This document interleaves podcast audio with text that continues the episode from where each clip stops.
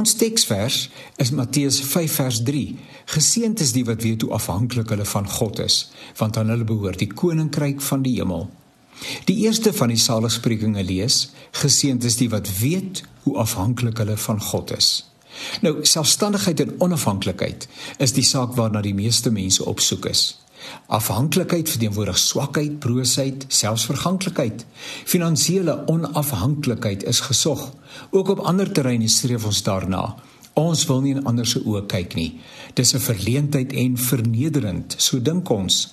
Derhalwe werp ons alles alles in die stryd om onafhanklik te wees en te bly. Jesus krap paradigmas om. Hy sê afhanklikheid is gesog, afhanklikheid van God. Presies hoe afhanklik is ons van God? Net dwaase mense besef nie hoe afhanklik hulle van God is nie. Van die eerste asemteug af tot by die laaste, elke tree en asem is met die guns en die komplimente van God. Ons is diep afhanklik en besef dit wanneer ons na die kortstondigheid van die lewe kyk. Weet nie of jy in die onlangse verlede daarvan bewus geword het nie, maar mense sterf rondom ons. Sommige sterf van natuurlike oorsake, baie sterf as gevolg van buitengewone omstandighede. Natuurrampe eis die lewens van baie mense. Slegte keuses wat mense maak, maak hulle kwesbaar. Mense sterf sonder hulle toedoen. 'n Mens kan sê heeltemal onskuldig. Dit gebeur.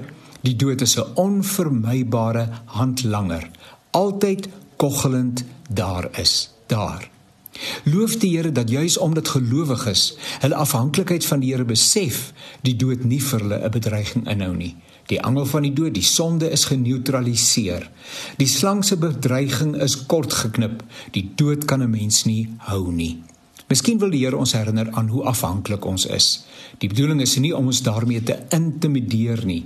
Die Here herinner ons nie aan ons afhanklikheid op 'n vermaaklike wyse nie. Inteendeel, ons afhanklikheid is 'n uitnodiging tot intimiteit. God rantsoneer nie ons lewensmiddels fisies, emosioneel en geestelik net om ons 'n punt te bewys nie. Hy gee wat ons nodig het sonder te sonder om te verwyd. Hy gee omdat hy goed is.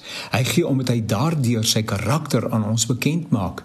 Betuig net weer jou afhanklikheid van God.